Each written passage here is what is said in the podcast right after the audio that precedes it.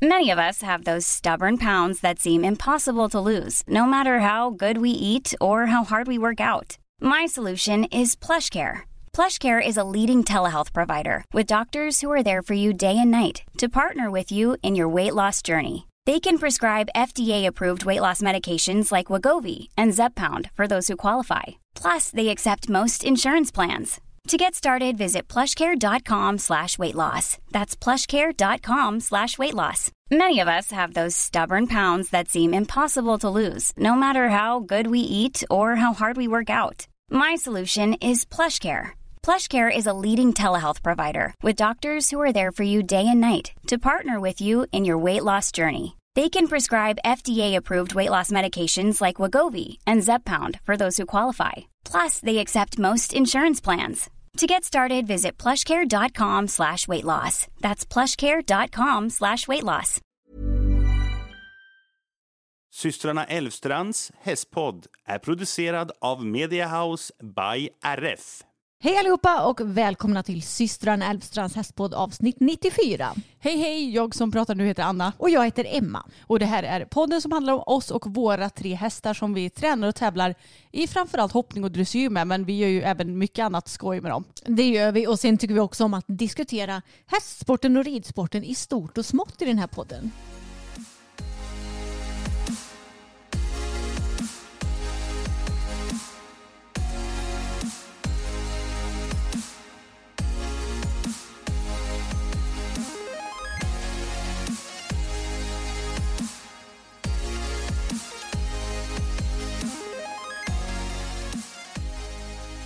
Men jag ska inte ljuga, det är två stycken ganska så sega systrar som sitter här idag. Ja och du, du säger det med ett litet leende så jag tror att du är lite flummig också eller? Jo men alltså det brukar ju bli så, vi när vi är trötta då blir vi oftast flummiga. Alltså ibland blir man ju lite sur kanske snarare, men oftast när vi är trötta då blir vi flummiga. Ja, det är ju så det är va.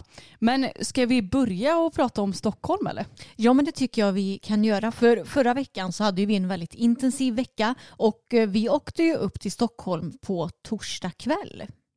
Nej, inte torsdag kväll, men vi hamnade i Stockholm i torsdag kväll. Ja, just det. Vi åkte upp till Stockholm vid lunch Ja. och sen hamnade vi i Stockholm mitt i rusningstrafiken på torsdag eftermiddag. Ja, men jag är ändå förvånad över hur snabbt vi tog oss in till hotellet. För att Ja. vi skulle ju till Solna eftersom det är där som Friends Arena ligger och det är där som Stockholm, eller ja, Sweden International Horse Show ligger. Och då skulle man ju egentligen inte in i smeten men det är ju oavsett vart du är i Stockholm så är det ju rusningstrafik och det är också köer. Ja, det var det. Men vi lyckades ändå ta oss in och checka in på hotellet och sen så eh, skulle vi gå och hämta våra presspass för att vi fick presspass eftersom vi skulle jobba där på, ja, men på fredagen framförallt då.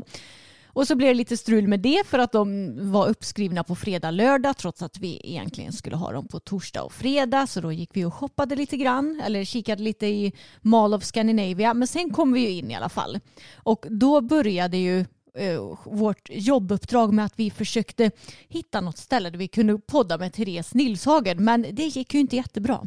Nej men alltså jag kände lite hur svårt ska det vara? För att vi blev bara runtskickade från person till person. Vi frågade en i pressavdelningen.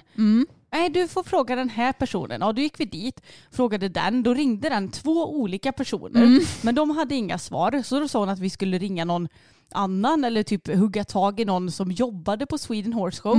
Men den visste inte heller. Så jag bara, men alltså hur svårt ska det vara? De måste ju ha något enskilt rum vi kan låna i två timmar. Ja, alltså vi hade inga stora krav. Bara ett rum där det är tyst och som vi kan podda i. Där man kan liksom koppla in en sladd i väggen. Alltså jag tänker att på Friends Arena det måste väl finnas flertalet sådana rum.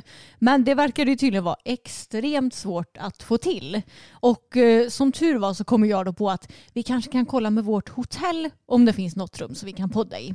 Och eh, vi bodde på Comfort Hotel så det låg ju väldigt nära arenan och de var super eh, vad säger man, kast, eh, alltså customs... Men gud jag hittar inte heller något ord. Super Ja, ni märker att vi är trötta. Vi, har helt enkelt glömt bort hur man pratar svenska. Men alltså gud, vad heter det? Service-minded. Ja, exakt. De var väldigt service-minded så de fixade ju ett rum åt oss. eh, Ja, men bokade in oss så att vi kunde göra det dagen därpå. Och det var väldigt gulligt för jag hade lite ångest där ett tag. Bara, Jaha, har vi kommit upp till Stockholm nu och ska podda med Therese Nilshagen och så finns det inte ens ett jäkla rum som vi kan podda i. Ja, men då kände jag lite så här, hade, säg att, hmm, säg att Peder bara, jag ska podda. Har ni något rum till mig? Då tror jag de hade fixat det på noll och inga sekunder. Tror du inte att det är, nu, nu är vi ju ändå igenkända, men kanske inte av alla arrangörer och sånt. Nej, precis. Tror du inte de hade kämpat lite mer om det hade varit Peder som hade poddat? Jo, garanterat och det är ju lite tragiskt att det ska vara så. Ja, lite så. Så att, eh, nej, det, det gick inte så bra det där med att hitta ett rum på arenan. Men shout out till Comfort Hotel Solna. Ja, det var- Världens bästa. Alltså. Det var så himla bra. Och eh, sen, eller sen, men under kvällen då så hängde ju vi med Sofie Jan också. Ja, och hon har ju gästat podden Mm. och vi kände när vi poddade att alltså, vi klickade så bra. Så det var ju helt galet. Mm. Vi, vi sa det att vi, vi hade nog kunnat prata i så här flera dygn i sträck om vi hade fått. Mm. Men eh, då sa jag det att ja, men vi ska ju till Stockholm om några veckor. Om du vill så kan vi ju ses och äta middag. Och det gjorde vi ju. Och det var faktiskt ett väldigt bra ställe. Nu kommer jag inte ihåg om det heter Indian Palace eller något sånt där. En indisk restaurang inne på Mall of Scandinavia. Det var skitgott. Ja, väldigt gott och väldigt mysigt och så himla kul när vi liksom träffar en ny människa för första gången och känner att vi klickar så bra med varandra och blev goda vänner med en gång. Så det var supermysigt att få träffa Sofie igen. Ja men verkligen, det är ju det som är kul när man kan åka iväg sådär till Stockholm och inte bara bli jobb utan att man även får hinna träffa sådana som man känner. Nej men precis, vi hann med lite sånt också. Och sen så åkte vi tillbaks, eller åkte, vi gick de typ 100 meterna som det var tillbaks till hotellet och sov. Jag sov ändå ganska bra, du snarkade inte som du brukar göra. Men du sa att jag skrämde dig några gånger på natten. Ja, alltså Anna, när Anna snarkar brukar det normalt sett vara så här. Alltså att hon väser lite som en orm typ.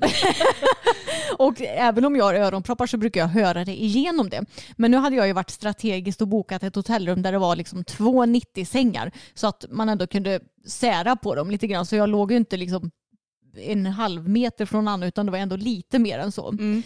Så eh, det var nog därför jag inte hörde ditt väsande kanske. Eller så var det bara lite tystare än vad det brukar vara. Men alltid också med Anna när hon ligger och sover. Då helt plötsligt så låter hon som en gris. Alltså, så här. alltså jättehögt. Och det hör jag genom mina öronproppar. Och då, när jag var vaken lite där på natten så hör jag det. Alltså typ tre gånger och jag blev ju lika rädd varje gång. Jag är både en orm och en gris tydligen. Ja det är du. Så vad roligt. Ja, själv så vaknade man ju tre gånger av att du skulle gå upp och kissa på natten. Jag vet. Men vi hade druckit så himla mycket på den här indiska restaurangen för det var så stark mat. Så jag var tvungen att dricka mycket och då måste det komma ut också. Jo, men det är ändå så här man bara, åh, nu ska hon kissa igen och igen. Jag gick inte upp en enda gång och kissade på natten. Nej, jag vet det. Ja, men trots då mitt kissande och Annas snarkande och snorkande så, så sov ändå jag ganska bra får jag säga. Ja, det var faktiskt skönt. Och sen så blev det hotellfrukost Mm. och den var ändå helt OK. Men jag måste säga att jag saknade nutellan till pannkakorna. Och vet du vad jag saknade? Mm, äggröra. Nej, nej. Nej. du saknade ju såklart vita bönor i tomatsås. Exakt. Alltså jag vet ingen person i hela min umgängeskrets och familj och släkt som gillar vita bönor i tomatsås, men det gör ju du. Ja, det är väldigt gott. Det, jag är lite brittisk av mig när Ja. det kommer till det. Och du, du tycker väl framförallt att det är gott att äta det till äggröra va? Ja, alltså jag äter ju aldrig ägg hemma men jag tycker att när man är på hotellfrukost så är det gott med vita bönor i tomatsås sös. I tomatsås och äggröra och gärna lite så tomater till också så man får en grönsak, äggröra och sen massa vita bönor i tomatsås. Eh, Ah. extra gott när man är bakis vilket jag ju inte var ja, den här gången då. Så det, det är snarare något som jag kanske äter när man har varit ute och festat och bott på hotell. Ja men alltså jag förstår inte Emma. Det är väldigt mumsigt. Och jag, jag äter typ aldrig äggröra på hotell för att jag tycker inte att det är gott. Nej. För det går inte att jämföra med den äggröran som vi gör hemma. Mm. Och nej, så att jag, jag är en sån där person som gillar smörgåsar, yoghurt med pålägg tänkte jag säga, så Mm. heter det inte alls. Eh, tillbehör och sen pannkakor. Ja. Men det är ju ganska sällan som pannkakorna är sådär supergoda får jag erkänna. Nej, kanske inte. Men eh, ja, det var ändå en ganska bra hotellfrukost kan vi ju sammanfatta det som. Ja, men du är ju en sån där person som gillar sådana här skolpannkakor Ja, också. alltså jag är inte så förtjust i pannkakor att göra hemma. Men däremot sådana hotellpannkakor eller inom stationstecken skolpannkakor, för de är ju väldigt lika varandra. De är ju svingoda. Men så här, helst en stenhård kant Nej, också. nej, de får inte vara hårda, men om de är så riktigt mjuka och färska och goda, då är de nice. Ja, nej, jag håller inte med, det ska vara hemgjorda. Mm. Ja, och sen så stack vi ju till showen och vi, ja, men vi spanade in mässan det första vi gjorde. Mm. Den var ju inte jätteimponerande. Nej. Men jag vet inte om det var för att vi, alltså vi hade ju lite kanske för väl inplanerade saker som vi tänkte köpa. Mm. Jag vet inte om det kanske är det som gör det svårt då. Ja, och eh, sen så hade vi inte så mycket tid på oss heller eftersom vi hade ganska mycket på vårt schema också som vi skulle hinna med att göra. Men nej, alltså jag hittade inte så mycket som jag ville hitta och det var ganska alltså, snålt utbud tycker jag jämfört med vad det brukar vara på GHS till exempel. Och sen det är klart det är en helt annan mässa för Eurohorse är ju jättestor Jo. och brukar också oftast vara väldigt bra. Men eh, nja, jag tror att den här mässan var lite mindre också kanske mot vad den var för två år sedan. Ja men säkert. Det, det är kanske inte alla som vågar komma och ställa ut heller då, för att de inte vet varför, eller hur mycket folk som kommer och så i med corona och så här. Mm. Men eh, sen så kollade vi på lite dressyr och vi kollade även på lite hoppning. Vi hade följarträff i Galloping Goops monter och alltså vi hade det så himla bra. Mm, det hade vi verkligen och det är så kul när vi har eh, när vi har våra träffar för det känns så surrealistiskt att så många kommer för att träffa oss och för att ta kort med oss. För jag menar du och jag vi tycker ju fortfarande att vi är två helt vanliga tjejer som råkar jobba med att ja, men lägga ut lite roliga filmer på Youtube och podda och sådär. Så vi ser ju oss som två helt alltså, vanliga privatpersoner men jag menar det finns ju vissa som tycker att vi är verkligen superkändisar och kanske deras största förebilder och det, jag tror aldrig att jag kommer vänja mig vid den saken. Nej men det gör inte jag heller och det är lite svårt att ta in nästan när folk kommer fram och bara åh ni är så himla bra. Vilket, alltså, vi blir ju jätte, jätteglada. Men det är fortfarande svårt att säga, alltså pratar du verkligen med mig nu? Ja. Men det, vi blir så glada och det var så mycket härliga personer där som ville prata lite och det önskades också att vi skulle göra mer av Karin och Kristina. Ja, alltså det var ju så. Det kom fram två, eh, två små tjejer och, som sa att de saknade Karin och Kristina. Så det var det gulligaste jag varit med om. Ja, vi har fått väldigt mycket önskemål om det där. Ja, verkligen. Jag tror att det, det finns nog vissa som bara, ah, det här är inte kul för fem öre. Men så är det nog ändå ganska många som tycker att det är väldigt roligt. Ja, men jag känner att det där med sketcher är inte riktigt vår grej. Nej, kanske inte riktigt. Nej, som vi har sagt förut, det är en sak när ja, men Johanna Berg kommer hit och har liksom, som kan det där med att skriva manus och skådespela och, så att vi kan få lite hjälp med det hela. Men det, vi kan ju egentligen ingenting om det mer än att jag tycker att du är ju ett komiskt geni bara liksom av att existera. Ja, tackar för den komplimangen du. Nej, men när vi hade haft våran träff så tittade vi på lite mer hoppning var det va? Ja. Ja, men sen så sa jag det till Emma när vi hade sett grundomgången, nej nu får vi nog faktiskt ta och bege oss om vi ska komma hem idag för att jag skulle ju faktiskt tävla dagen efter. Och en strategisk sak, ett litet tips från Ansi Pansi, det är att lägga sminkborttagning nära till hands Ja. i bilen eller i, ja, men typ överst i väskan eller vad som helst. För att det är så skönt att ta bort sminket innan man åker hem. Ja, det är verkligen skönt. Mm. Men en sak som vi har glömt att säga nu angående Stockholm det är ju att vi poddade ju med Therese Nilshagen också. Ja, just det. Det lyckades vi ju faktiskt få till tack vare att vi fick bokat ett rum. Ja, och det var så roligt. Vi har ju aldrig träffat Therese, men vi har ju ändå fått väldigt positiva vibbar av henne trots att vi kanske inte vetat jättemycket om henne innan. Men eh, hon var ju lika gullig som hon verkar. Ja, verkligen. Och Therese hon har ju också gått med i Media House by RF nu och blivit en profil där. Så det var därför som vi blev sammankopplade av vår agent Rebecca. Så det var jättekul. Vi har ju pratat gott om Therese i podden tidigare och älskar ju verkligen Therese ridning och hennes fina Dante.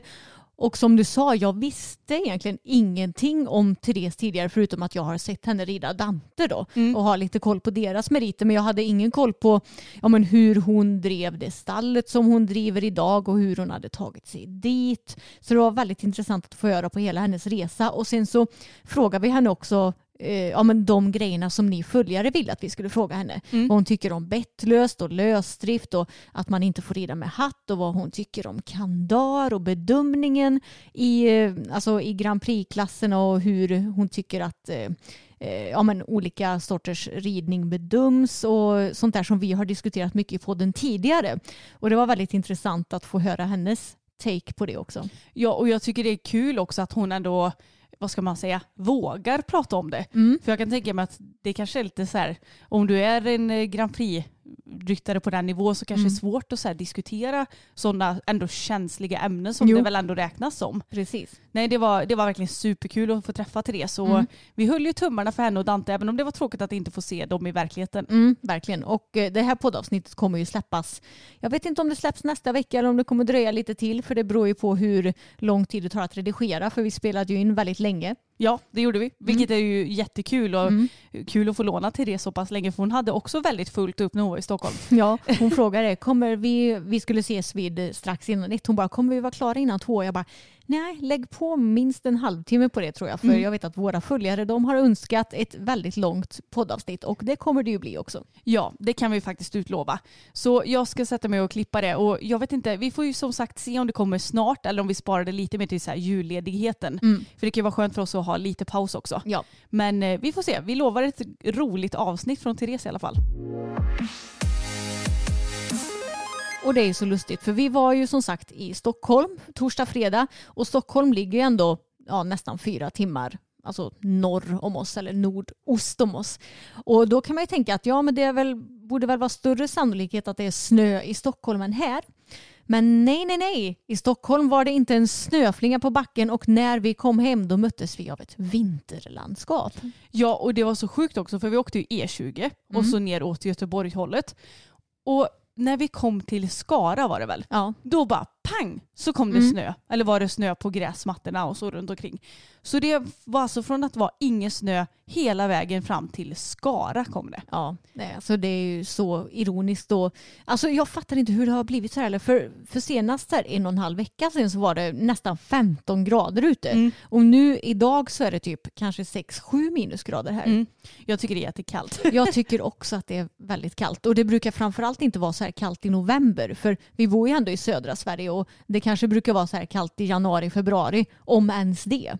Alltså det är inte så ofta som vi har snö här nere numera. Nej, det brukar ju som du säger komma i kanske januari. Vi brukar ju ha gröna jular. Ja, och ett litet problem med det här då, det är att vi beräknade inte att snön skulle komma så tidigt. Så vid förra skoningen så har vi ju fortfarande inte tagit på några snösulor och vi har bara ett par broddhål i varje hov Ja. dessutom. Så det är lite kaos nu. Det är inte så lätt eh, vad vi ska göra med hästarna. För ja, men, ni vet ju om att jag bor ju på en gård och sen utanför gården så är det en asfaltsväg tills man kommer till grusvägarna. Så man måste ju rida på asfalten om man ska ut. Men alltså den asfalten är ju ishal just nu också. Ja, det är helt sjukt. Jag skulle, ut, eh, eller jag skulle åka hem i lördags. Och då kör jag ut i sakta mak. Och min bil den gör som en öppna typ. Den bara... alltså jag gled så här 5-10 meter Ja. på sidan. Mm. Jag bara, bara jag inte hamnar i diket för jag orkar inte det nu. Nej. Det var efter jag hade tävlat och jag var dödstrött. Så Mm. jag bara, "Ja, jag orkar inte om jag ska behöva ringa pappa eller Samuel eller någon som hade traktor och hjälpa mig. Mm. Men jag klarar mig tack och lov. Mm. Jag har faktiskt, alltså, jag vet inte om jag ska våga säga det här i början av vintern, men jag har aldrig hamnat i diket. Nej, det är ju skönt i alla fall. Mm. Har du det? Eh, har jag det? Nej, Du har väl bara kört på en lyktstolpe Jag har kört in i en lyktstolpe en vinter. Då var inte pappa glad på mig. Nej, han var riktigt förbannad. Alltså Mm. pappa blir typ aldrig arg. Men när han blir arg, man blir nästan lite rädd. Inte för att, man, inte för att han gör någonting, Mm. men man bara oj, pappa kan bli arg. Ja. Men alltså det, det här är ju preskriberat nu för det hände ju för nästan tio år sedan och pappa Ja. lyssnar inte på podden. Så nu tänker jag faktiskt avslöja en hemlighet som vi har hållit från honom nu i snart tio år. Tänk om mamma säger till honom. Ja, det, mamma säg inte det här till pappa. och det är att den gången som jag körde in i en lyktstolpe, det var lyktstolpen som var på vägen in där vi bodde förut. Då Mm. bodde vi ju inne i samhället inne i Vara. Och så var det en sväng eh, och vi hade tidigare under den vintern alltså sladdat lite i den svängen med, bilen. Och då tyckte vi att man skulle åh, haha man glider lite grann i svängen. Och då tänkte jag ja nu ska jag glida lite i svängen igen och göra samma sak. Problemet var ju att jag körde alldeles för fort. Jag körde mycket fortare än vad jag hade gjort tidigare när jag hade kunnat glida i den svängen med kontroll. Så jag tappade ju helt och hållet styrningen på bilen och åkte ju rätt in i den där lyktstolpen. Så jag pajade både vår bil och lyktstolpen. Ja. alltså det roliga var att det gick ju, alltså nu säger du att det gick fort. Alltså det gick, det ju, gick inte fort Nej det gick väldigt långsamt. Jag tror det gick så här, max 30 kilometer i timmen eller någonting. Ja. Men det roliga var att vi såg ju att vi var på väg mot stolpen. Så både jag och Emma bara "Äh!" Alltså vi skrek Ja. ju typ så här fem minuter kändes det som för att vi gled så långsamt Mm. mot den här stolpen och så pang så träffade vi den. Ja. Och sen så det roliga var att det hade ju kunnat gått mycket värre med Mm. bilen. Jo. För jag menar vi körde ju så långsamt, det hade inte kunnat hända något med oss. Nej. Men sen när vi åkte därifrån och när vi kom tillbaka, då hade ju hela den här... alltså ni vet, en lyktstolpe det är ju en stolpe rakt upp och sen så svänger det ut och så kommer lam- lampan på en så här vertikal Mm. stolpe. Den hade ju ramlat ner. Ja. Så tänk om den hade landat på vår bils tak eller någonting. Ja, det, vi hade ändå tur. Eller i framrutan. Ja. Då hade vi kunnat skada oss. Ja, precis. Men jag kan säga att efter den händelsen så har jag fan i mig fått respekt för is och snö på vägarna när jag Mm. kör bil. Nu är jag mycket mer försiktig mot vad jag kanske var förr i tiden. Så det är ett litet tips att ta det försiktigt nu när vägarna har blivit som de eh, är. Verkligen. Eh, men också fun fact, efter, jag vet inte om det berodde på det då, men under den här tiden så var ju vägen bara liksom helt öppen där, Mm. där den lyktstolpen var. Och efter den här händelsen så byggde de en refug mitt i vägen så man liksom inte kan eh, köra för fort Nej, Jag tror i och för sig inte att det var på grund av dig för det var ganska många år efter det som de byggde den här refugen. Jo, Men men nu kan man inte sladda i den vägen Nej. i alla fall. det går icke. Nej, det gör det inte. Men jag måste bara prata om en sak som jag stör mig lite på nu när det har blivit så här kallt ute. Och eh, det är ju att vi som bor i södra Sverige eh, vi får inom stationstecken inte typ säga att det har blivit kallt för då är det alltid någon från Norrland. Det är så kul att ni klagar på kylan. Här uppe är det 20 minusgrader. Alltså sådana kommentarer stör jag mig på som fan. Ja, alltså jag får nog erkänna att det gör jag också. Ja, och- det, är så här, det, det kommer alltid finnas någon som är mer skadad än dig, Mm. mer sjuk än dig, som har det kallare eller varmare än dig. Ja. Men vad spelar det för roll? Det är ju fortfarande så att jag tycker det är kallt. Ja, och du måste ju också alltid jämföra med vart du bor någonstans. Och det är fakta att ja, i, idag är det måndag när vi spelar in, då hade jag lagt ut på storyn att ja, men det var ett täcke som hade frusit och vi sa att det här är konsekvensen av kylan och bla bla bla. Det var ju inte så att vi klagade på kylan, då var det någon som kommenterade det är så kul att ni klagar på kylan, här är det 10 minusgrader. Man bara oh, wow det är typ 3 grader kallare än vad det är här för det första. Men sen också, du kan ju inte jämföra hur kallt det är i södra Sverige än i norra Sverige. Alltså det är klart som fan att det är kallare i norra Sverige än i södra Sverige. Ja, annars så är det ju någonting som är väldigt fel. Ja, och fakta är ju att det nästan aldrig är så kallt i södra Sverige som det är nu, alltså den här tiden på året. Och jag menar, Sverige är ett väldigt avlångt land. Och det är ju som att, ja men säg att det skulle vara eh, typ två plusgrader i Italien nu. Då hade ju de tyckt att det varit jättekallt. Då hade inte jag kommenterat det är så kul att ni tycker att det är kallt. Här är det faktiskt sex minusgrader. ja, det är klart att det är det. Och är inte Sverige, brukar man inte säga att Sverige är så avlångt så att eh, det är lika långt ifrån södra Sverige till norra Sverige som det är från södra, södra Sverige till Italien. Det kanske man säger. Mm. Så det är inte konstigt att det är kallare i norr. Nej, så är det ju. Men jag, jag måste säga att jag är ju väldigt glad att jag inte bor i Norrland för att jag Ja. tycker ju att det är tillräckligt kallt här. Ja, det tycker jag med. Men eh, ja, problemet också innan vi fick den här snön och att det frös, det var ju att det var ju så himla milt innan och vi har haft världens regnoväder innan. Så det låg ju redan massa alltså, vätska på marken som sen blev ishalka. Det hade varit mycket bättre om det hade varit torrt i en vecka och sen fryst på. Då hade det nog inte varit lika stora bekymmer. Nej, så är det ju. Men eh, vi kan ju inte styra över vad vädret gör tyvärr. det kommer nog bli lite mer ridhusridning än vanligt nu den kommande tiden. Ja, och det är så tråkigt för att jag kan inte minnas att jag tyckte att det varit något problem att rida ut förr. Nej, det har nog blivit nu snarare med, eh, med den globala uppvärmningen att det inte, alltså marken beter sig på samma sätt. Nej men det måste ju vara de senaste typ två, tre åren tror jag att jag Mm. tyckte att det varit ett större bekymmer. Ja, jag med. Mm. Så det är lite trist, men det är vad det är.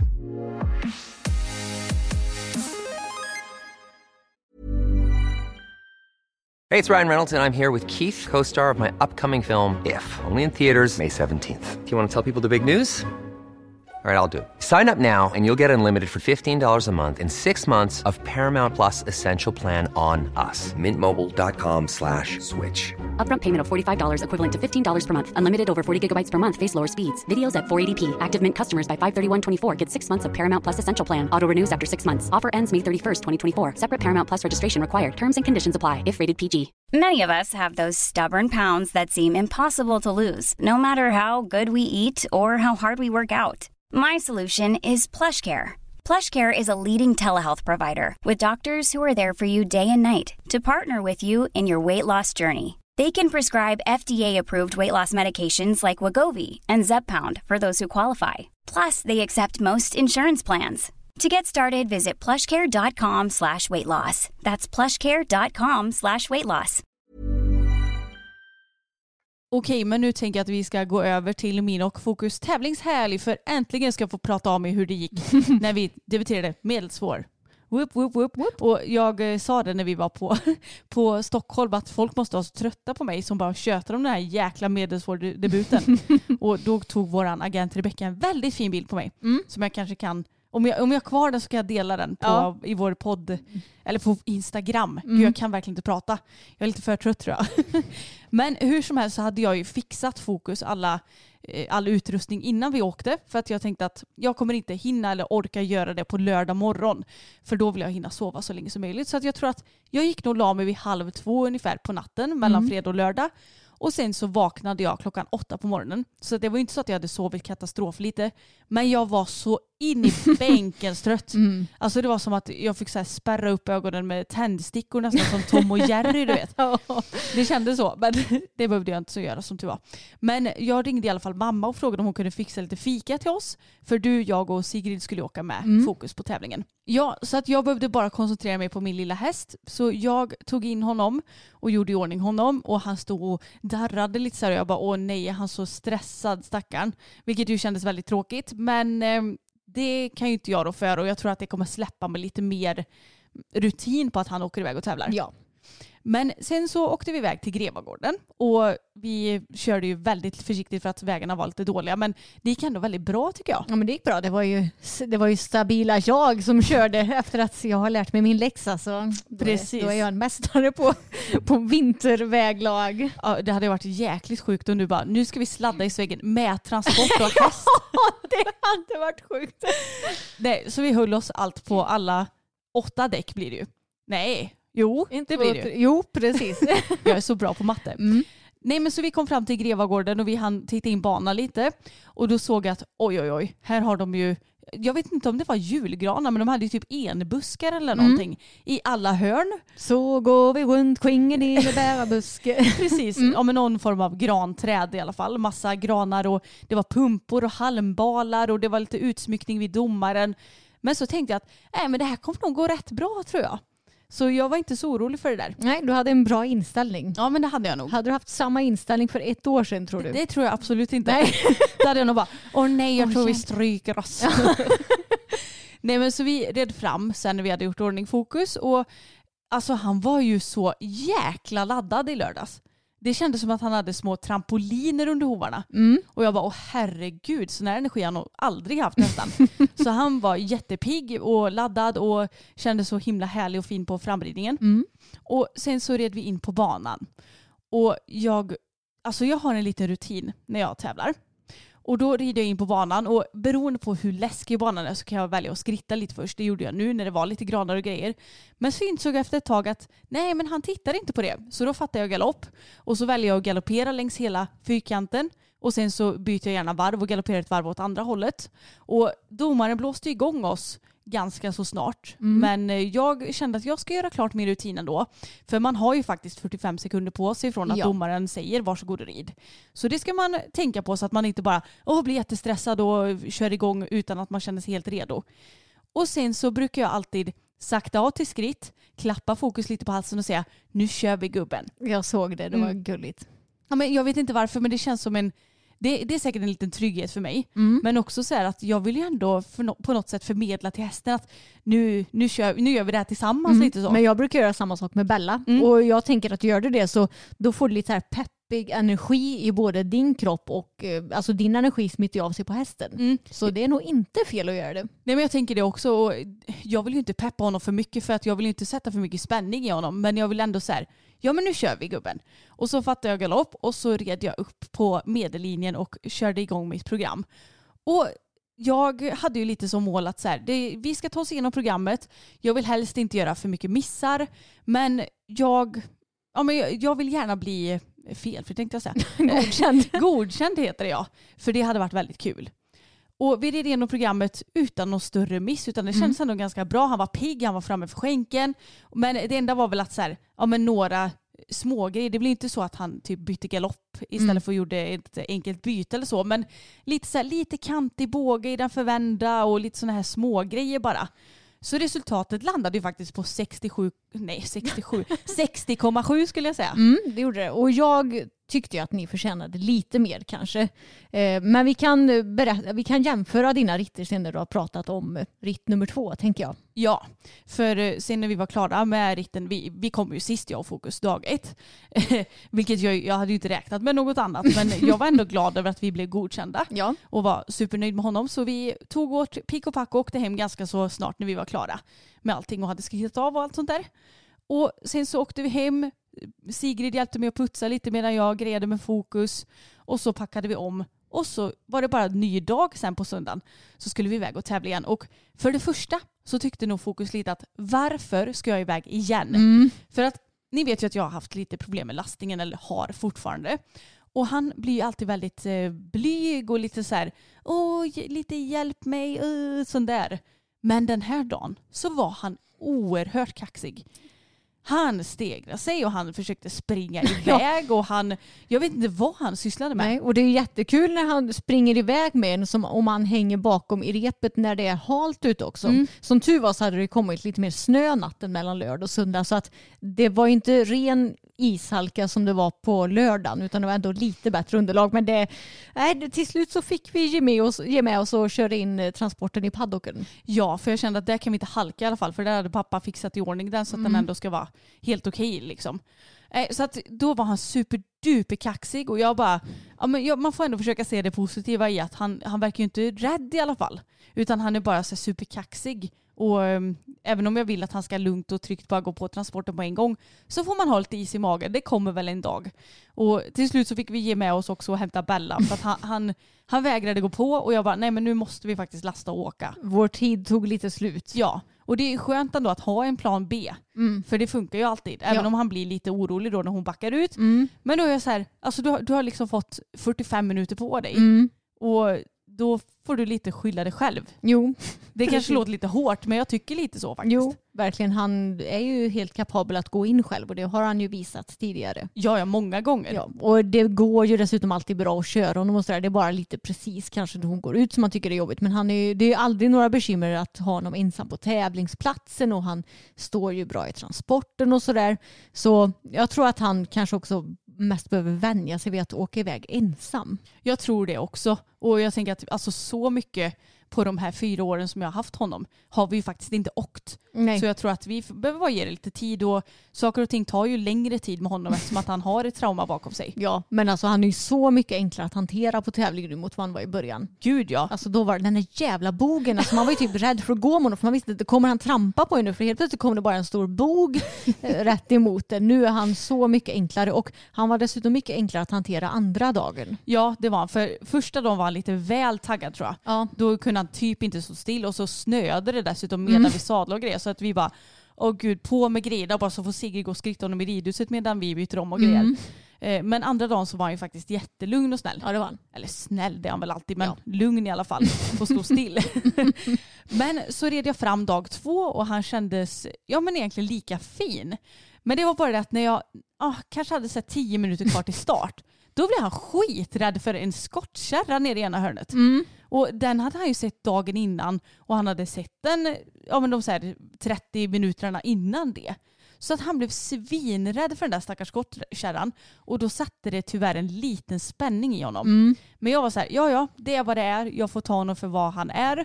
Och så red jag in på banan och tänkte att ja, men den, här, den här banan har vi ju sett även igår så det måste vara lugnt. Men han var lite spänd för granarna och allt sånt där. Mm, han var lite mer spänd mot vad han var dagen innan. Det Ja. kunde jag ju se också som ändå ser väldigt tydligt när han är spänd respektive avspänd. Mm.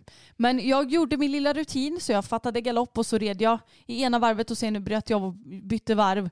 Och sen så blev vi igångblåsta och då så saktade jag till skritt och så sa jag nu kör vi gubben. och så red jag upp och det roliga är att den första när jag skulle upp på uppridningen så kände jag bara åh herregud för han skyggade pyttelite Ja, jag granen i hörnet. Och jag bara men gud och så red jag upp och bara nu försöker vi göra det här så rakt som möjligt och så tänkte jag bara gud det här, det här är ju en femma. Jag vet inte varför jag alltså, lyckades tänka på det just Mm. då men jag bara det här är en femma. Nej då har vi fått en sjua på den Ja, uppridningen. jag såg det. Jag bara okej det kanske inte var så illa som det kändes då. Mm. Men i alla fall, sen så fortsatte vi programmet och själva travdelen gick väl ändå helt okej. Mm. Han var ju lite spänd och skolorna blev, han blev lite seg i dem. Mm. Och, lite- och lite rak också. Ja, och lite rak så vi kunde inte riktigt göra dem lika bra som vi kan göra hemma. Men eh, sen när vi väl hade kommit ner till skritt och halten så, jäklar vad sjuorna trillade in då. Ja, han blev jättefin då. Mm, han var så himla stampig och ihop i galoppen och jag har äntligen kommit på hur jag ska rida förvändargaloppen. Mm.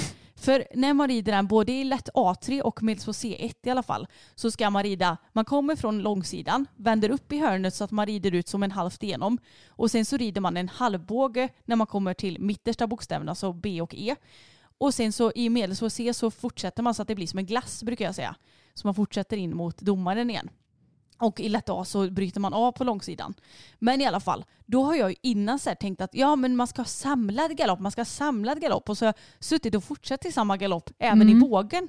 Men nu så gjorde jag som så att jag vände upp genom hörnet i samlad galopp och sen så när jag kom ut på det lite raka spåret så drev jag fram honom, inte jättemycket, men ändå så jag hade lite mer galopp. Och han klarade båda förvändargalopperna och vi satte sjuor på dem. Äntligen! Finally. Alltså, han kan ju förvänta galopp egentligen. Det är nog bara att du har behövt lära dig exakt hur du ska rida den. Ja, och jag tror att i och med att vi har fått så många missar Mm. i dem så blir det att jag övertänker lite också. Ja. Men nu, nu red jag verkligen så bra som jag kunde och vi fick en sju och en halva till och med Mm. på ena enkla bytet. Ja. Så att alltså, de, de fina poängen bara trillade in vilket var jättekul. Mm. Och därmed så landade ju resultatet på 65,7 istället. ja. Exakt 5% mer än dagen innan. Ja. Nej, det var väldigt kul. Ja det var superroligt och då kände jag bara, alltså om inte vi hade haft den här lilla spänningen i traven, vad 17 hade poängen landat på då? Ja, och du hamnade ju inte sist heller, ska Nej. ju tilläggas, utan du var ju strax utanför ja, platser. Ja, det var inte så många i klassen, men man kan ju säga att du hamnade ungefär mitt i resultatlistan. Ja, för grejen är att den som kom ett och tvåa låg ju på samma procent. Mm. De hade ju typ 67, komma någonting. Mm. Och sen så den som hade tre hade samma procent som mig. Mm. Men eh, de räknar ju, alltså om man har olika på allmänna intrycken, Ja. då, då får ju den som har bäst där Mm. vinner ju över den som har lite sämre där. Ja. Även fast vi hamnar på samma poäng. Mm. Så egentligen så hamnar jag ju på tredje platsens procent. Mm. Och det var tvåplacerade då. Ja. Så att eh, alltså jag bara, va? Vad är det här? Så himla kul och jag blev nästan lite chockad när jag såg poängen för jag jämförde ändå den här ritten med den eh, som var dagen innan. Mm. Och eh, man kan väl sammanfatta det som att dagen innan tyckte jag att han såg mer stabil ut i formen och mer avspänd ut.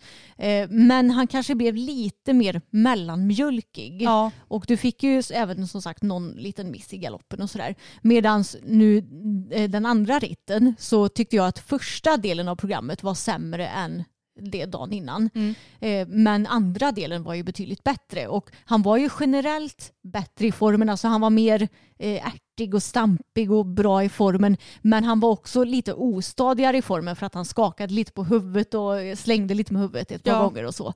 Så det var två ändå ganska så olika ritter. Men eh, att du har nog ändå lärt dig lite att du kanske måste faktiskt satsa lite mer på banan och rida med lite mer tryck och sådär för att få de poängen som eh, ja, men du behöver få i medelsvår C där det ändå krävs lite mer av form och så vidare. Ja, och det roliga är att jag tyckte att första programmet i lördags alltså, då tyckte jag att känslan var mycket, mycket bättre.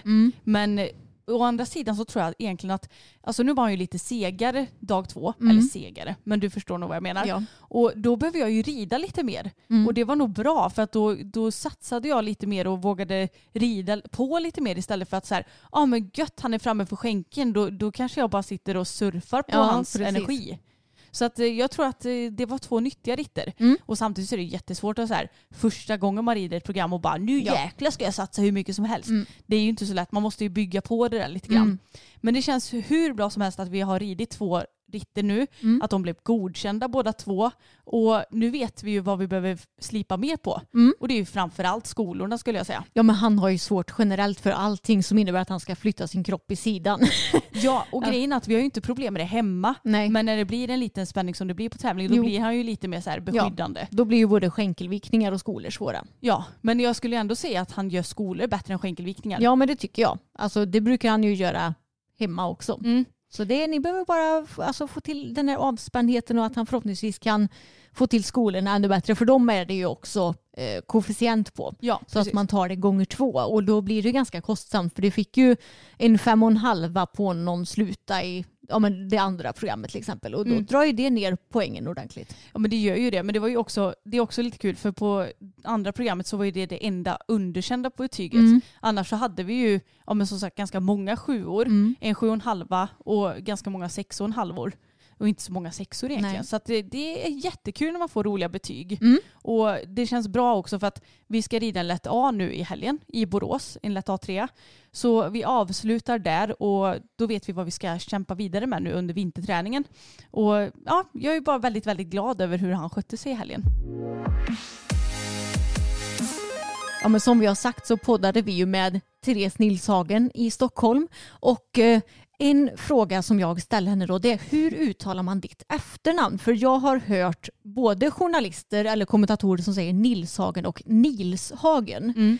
Och då fick vi ju svaret av henne att nej men det är Nilshagen.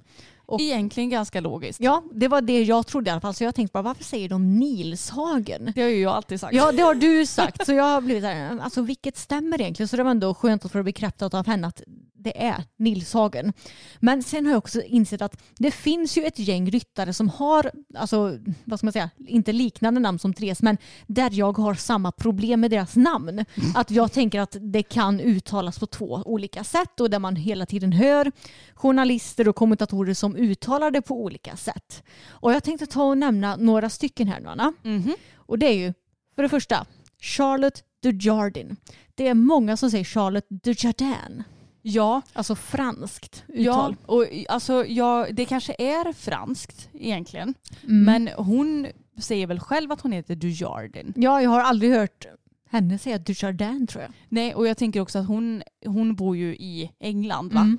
Så jag menar, då, då kanske man inte säger Dujardin. Nej, precis. Så jag tror ändå att Dujardin är det rätta. Och sen har vi då systrarna Ramel. Men jag tänker också, heter det Ramel eller Rammel? Ja, det är väldigt oklart. Jag tänker egentligen att Ramel borde vara Mm. mest logiskt. För det är väl bara ett M de har va? Ja.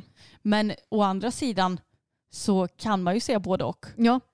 Ja, jag brukar nog ibland säga, eller jag säger oftast Ramel, men ibland säger jag Rammel. Ja, Jag säger nog egentligen oftast Rammel för att det är det som alla kommentatorer och sånt säger har jag för mig. Ja, det är det kanske. Mm, jag tror det. Ja, så det vet jag inte riktigt heller. Nej. Och sen har vi då Patrik Kittel. Och det här var väl kanske lite mer aktuellt för typ så här tio år sedan. För det var ju för evigheternas evighet sedan. Så gjorde vi en live-frågestund med honom på GHS. Och då frågade vi också hur uttalar man ditt efternamn? För då han sa ja alltså det är många som uttalar det fel. Jag har hört både Kittel och Kittel men det är Kittel som Mm. gäller. Ja, och det känns ju så logiskt nu men det kanske är för att man alltså, vet det så himla mycket. Mm. Men Kittel tyckte jag var lite lustigt. Hur kan man tro det? Ja, ja, jag. Kittel kan jag köpa för det är ändå ett ord.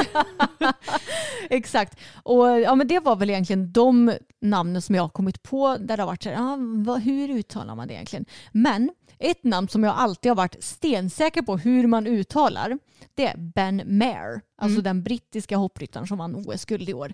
Men nu på eh, Sweden International Horse Show då sa eh, kommentatorn eller speakern Ben Mayer. In the mayor, may, mayor, mayor, may, mayor. Och då tänkte jag bara, nej, det, det här kan ju inte vara rätt. Nej, men det känns ju inte så. Alltså jag, jag, jag tänker någonstans att borde inte ryktet gå med hur man uttalar namnen också lite grann? Jo. Bara, han presenterade sig som Ben Mayer, ja då är det Mayer, Mm. då får vi ta med det. Ja. Jag vet inte. Mayor. Mayor. jag tyckte det var lite kul. Nej men det var en liten namnspaning som jag har haft och eh, vi kan ju känna igen oss eftersom vi har ju kanske inte världens lättaste efternamn. Eh, alltså jag vet att när vi när vi har varit med i olika sorters artiklar och tidningar. Det blir ju lätt Elfström till exempel. Mm. Eller Ja, Älvstrand. med Ä-L-W. Ja, eller enkel Nej, enkel V menar jag. Elvström. Ja men precis, det är sällan som någon förstår att det är ELF som Mm. gäller. Men egentligen så håller vi ju på med en sport som, ja men både namn på ryttare kan ju vara lite klurigt. men alltså kom igen med hästars namn. Åh då. herregud, och speciellt de här holländska och belgiska hästarna. Ja, Det är väldigt kluriga namn där. och det känns som att det finns många ponnyer som också har lite, kon, eller inte konstiga namn, men typ Connemara-ponnys har ofta Mm. lite knixiga namn som är svåra att uttala. Fokus har ett väldigt enkelt namn för att komma från Holland. Man behöver inte fundera. Nej. Han heter inte Fokus van de bla eller Höbe. Nej, exakt. Men då hade vi bara kunnat fråga din pojkvän hur man uttalar hans namn. Ja, det hade vi kunnat göra. Fast alltså, jag har frågat honom typ tio gånger hur man uttalar KVPN. För det är Ja. typ så här König, eh, varmblodbok, bla, alltså Ja. något sånt där. Och han har ju sagt det tio gånger till mig men jag kommer fortfarande inte ihåg. jag har ingen aning. Holländska är lite krångligt. Ja. I början av nästa år så är det dags för den svenska idrottsgalan. Vilket är väldigt spännande för ridsporten är nominerad i flera kategorier i år. Ja men kan inte du nämna vilka då? Jo, men jag tänkte göra så här att jag nämner vilka kategorier ridsporten är nominerad i och vilka ryttare som är nominerade och även vilka andra som är nominerade så kan väl vi liksom gissa lite om vi tror att ridsporten kommer ta hem priserna eller inte. Ska vi sia lite här nu? Ja, jag tänker det. Och vi har ju då först och främst årets manliga idrottare.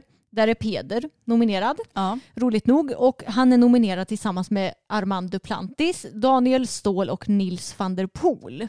Då har jag en fråga. Mm. Är det en jury som avgör vem som vinner? Ja, det är bara eh, Jerringpriset som röstas fram av tittare. Just det, så är det. Mm. Det är en väldigt bra fråga. Mm. Eh, Jag tänker att det är väldigt duktiga idrottsmän allihopa. Mm. Men jag tror nästan på Daniel Ståhl faktiskt. Mm. Ja, jag tror på Nils van der Poel. Okej, jag vet inte ens vem det är. Han är skridskoåkare, han har slagit både världsrekord och eh, tagit två VM-guld i år. Jaha, oj. Så jag tror att han är nog en alldeles för hög, eller stor konkurrent till de andra. Även om alla de andra tre, det är ju helt sjuk konkurrens i den kategorin. Ja, men då, då kanske jag håller med dig. Jag hade väldigt dålig koll. Ja, jag förstår det. Men, eh, så jag tror inte att det blir något pris för ridsporten i just den kategorin. Nej. Men vi, de är nominerade i några fler kategorier. Eh, bland annat så är svenska hopplandslaget nominerade i Årets lag. Och där är de nominerade tillsammans med Anton Dahlberg och Fredrik Bergström som är seglare. Maja Dahlqvist och Jonna Sundling som är längdskidåkare och damlandslaget i fotboll. Ja, alltså om man tänker till, nu, nu har jag ju dålig koll på de andra prestationerna, segling och, och längdskidor kör va? Men om man tänker till fotbollen så var ju ändå ridsporten, det är ju ett guld jämfört med ett silver. Ja. Så där står de ju över tycker jag. Jag tror att Anton Dahlberg och Fredrik Bergström tog silver också i segling på OS. Ja, längdskidorna då, minns du det? Nej, Nej. Det, jag, tror det kan, det, jag tror det står mellan eh, längdskidåkarna och ridsporten där. Ja, men jag tror faktiskt att de har en stor chans att vinna här. Jo men det tror jag också. Vi får nästan eh, återkomma efter idrotts... Eller det måste vi göra. Återkomma efter Idrottsgalan och se om vi har siat rätt här. Och sen så är även hopplandslaget nominerade i årets prestation. Mm. Och det är de tillsammans med Anna Nordqvist som är golfare, Sara Sjöström simning och Nils van der Poel på skridsko. Jag har ju ingen koll på Anna Nordqvist. Jag är ju noll insatt i golf. Samma här, men Mm. det känns ju ändå som att så här, jag tror inte att samma lag vinner två olika kategorier. Kanske inte Så då tror jag ju nästan mer på att de vinner den andra kategorin. årets lag. Ja, Mm. Och att kanske Sara Sjöström vinner denna. Ja, eller Nils van der Poel. Ja, för jag tänker också att Sara har väl, visst bröt hon armbågen va? Ja. Och, och så kom tillbaka väldigt snabbt in på OS. Mm.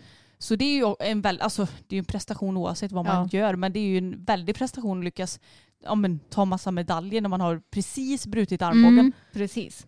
Så ja, lite tveksam på den kategorin Ja. då från vår sida. Jag chansar på Sara i alla fall. Ja. Och ja, gud jag kan inte välja mellan Sara och Nils. Och Jag, alltså den där Anna hon har säkert också gjort något helt fantastiskt bara att inte vi har koll på det. Eh, och sen så är även Henrik Ankarkrona nominerad som årets ledare och det är han tillsammans med Peter Gerhardsson som är damlandslaget i fotbolls ledare. Westein Hafsteinsson, friidrott som har Daniel Ståhl då bland annat som sin, säger man elev? Nej. Ja, men jag fattar vad du menar. Ja, och Johannes Lukas i skidskytte. Det är också väldigt hård eh, konkurrens i den här kategorin. Det kanske det är. Ja, jag tror kanske på Westein i den kategorin. Vem var det nu igen? Eh, friidrott, Daniel Ståhl och har han Simon Pettersson också? Nu blir jag lite osäker. Simon, är det han som är så himla lång? Ja, både Daniel och Simon är långa. Jaha. Simon, Simon tog ju silver i diskus i OS. Ja, just det. Det har jag nog lite koll på. Mm. Nej men gud, jag vet faktiskt inte. Friidrott, det känns som att fotboll också är något som är poppis. Mm. I don't know. Nej. Nej, så det... Ah, fasen alltså, det är så svårt att säga. Vi måste nästan komma med gissning. Ja, jag gissar på Westein. Ja men det gör jag kanske också. jag vågar inget annat. Nej. Och sen så är ju även eh, hopplandslaget nominerade i Jerringpriset. Yay! Och där är det ju ett gäng andra kandidater så jag tänker faktiskt inte ens eh, nämna alla. Men eh, Jerringpriset det är ju ett röstningspris där vi tittare kan rösta. Ja, där tror jag ju faktiskt att hopplandslaget kommer ta hem det. Ja men alltså, vi, det brukar ju pratas om hästsekten. Ja. Vi är ju väldigt flitiga när det gäller tänkte jag säga. Mm. Men när kan man rösta på det här då? Det kan man göra redan nu. Det kan man? Mm. Eh, Nu kan man rösta, ja man kan både ringa men det finns också, vi kan länka i beskrivningen till podden där man kan rösta via webben. Mm. Och då tycker vi att ni verkligen borde rösta på hopplandslaget för det är de väl värda. Och jag menar, jag tänker att det är inte konstigt att ridsporten vinner Jerringpriset typ varje år de är nominerade för jag menar, vi är en väldigt stor idrott och har många som utövar den men eh, alltså ridsporten får ju sällan sådär jättemycket plats i media. Mm. Så när vi väl får det, oj oj, då är vi skickliga på att eh, stötta våra ryttare. Verkligen, så nu, nu får vi visa att hästsekten existerar även i år.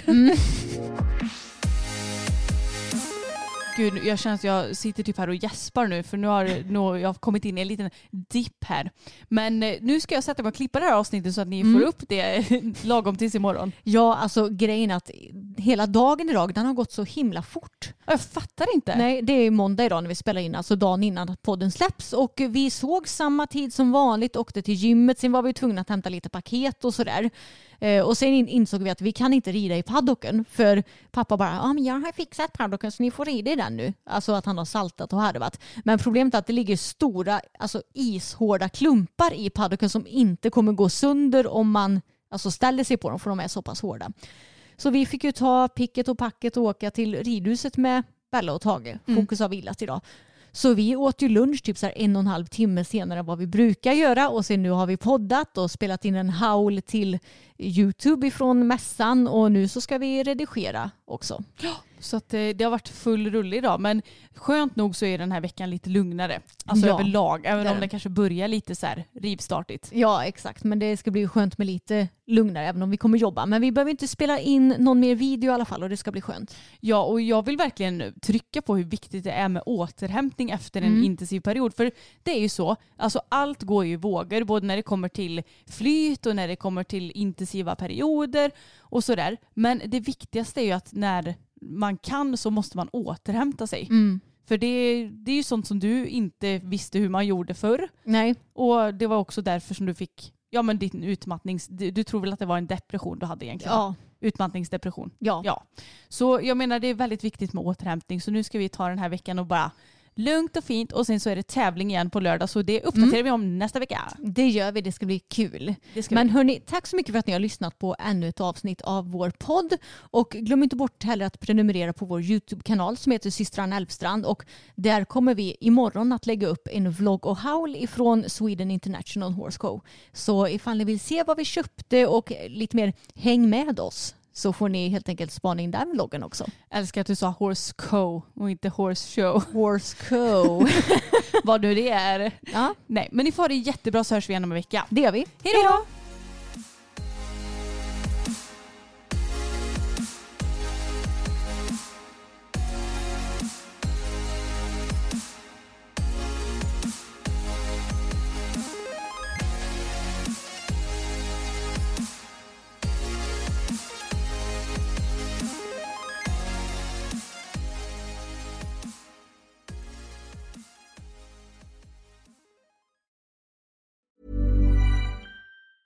Hi, I'm Daniel, founder of Pretty Litter. Did you know cats tend to hide symptoms of sickness and pain? I learned this the hard way after losing my cat, Gingy. So I created Pretty Litter, a health monitoring litter that helps detect early signs of illness by changing colors, saving you money and potentially your cat's life. Pretty Litter is veterinarian developed, and it's the easiest way to keep tabs on your fur baby's health right at home. Go to prettylitter.com and use code ACAST for 20% off your first order and a free cat toy. Terms and conditions apply. See site for details. Hold up. What was that? Boring. No flavor. That was as bad as those leftovers you ate all week. Kiki Palmer here, and it's time to say hello to something fresh and guilt-free. Hello Fresh. Jazz up dinner with pecan-crusted chicken or garlic butter shrimp scampi. Now that's music to my mouth. Hello Fresh. Let's get this dinner party started. Discover all the delicious possibilities at hellofresh.com.